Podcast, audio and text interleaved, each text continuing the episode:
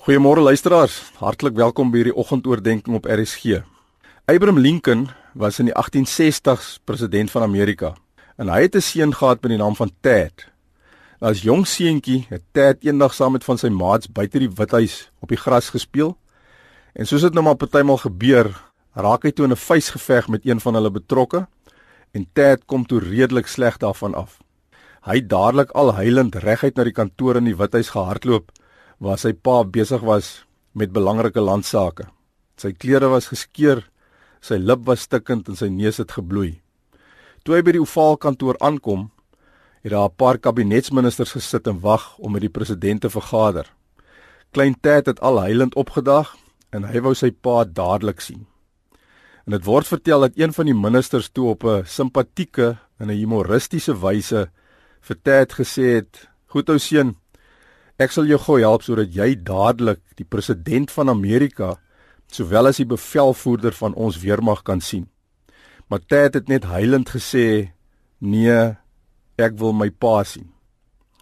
Nou jy sien, Abraham Lincoln was inderdaad op daardie stadium die president van Amerika sowel as die bevelvoerder van die Amerikaanse weermag.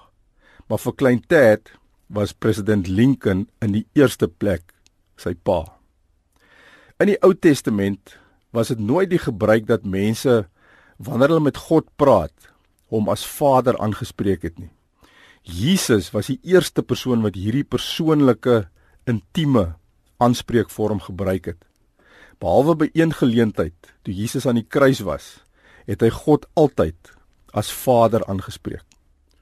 In Lukas 11, terwyl Jesus besig was om te bid, kom vra een van sy disippels vir hom om hulle ook te leer bid. En Jesus doen dit toe. En hy begin deur vir hulle eerstens te leer op watter wyse hulle God moes aanspreek wanneer hulle bid. En hy sê vir hulle: "Wanneer julle bid, sê onsse Vader wat in die hemel is." Nou hierin is 'n kosbare waarheid opgesluit. Jesus wou hê die disippels moes in die eerste plek aan God dink as hulle Vader. Die disippels het op daardie stadium 'n goeie begrip gehad van die feit dat God hulle skepper is, dat hy alwetend en almagtig is en dat hy oor die hele skepping heers. Maar hulle moes nog 'n openbaring kry van die feit dat God in die eerste plek hulle Vader is en dat hy hulle sien as sy kinders. Johannes 1:12 sê vir ons aan almal wat hom aangeneem het, aan die wat in Jesus glo, het hy die reg gegee om kinders van God te word. Dalk voel jy ook vandag asof die lewe of gebeure of omstandighede jou 'n bloedneus gegee het.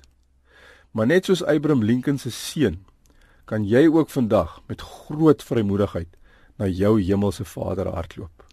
Kom ons bid saam. Here, dankie dat U ons Vader is en dat U vandag ons as U kinders se gebede hoor en verhoor. Amen.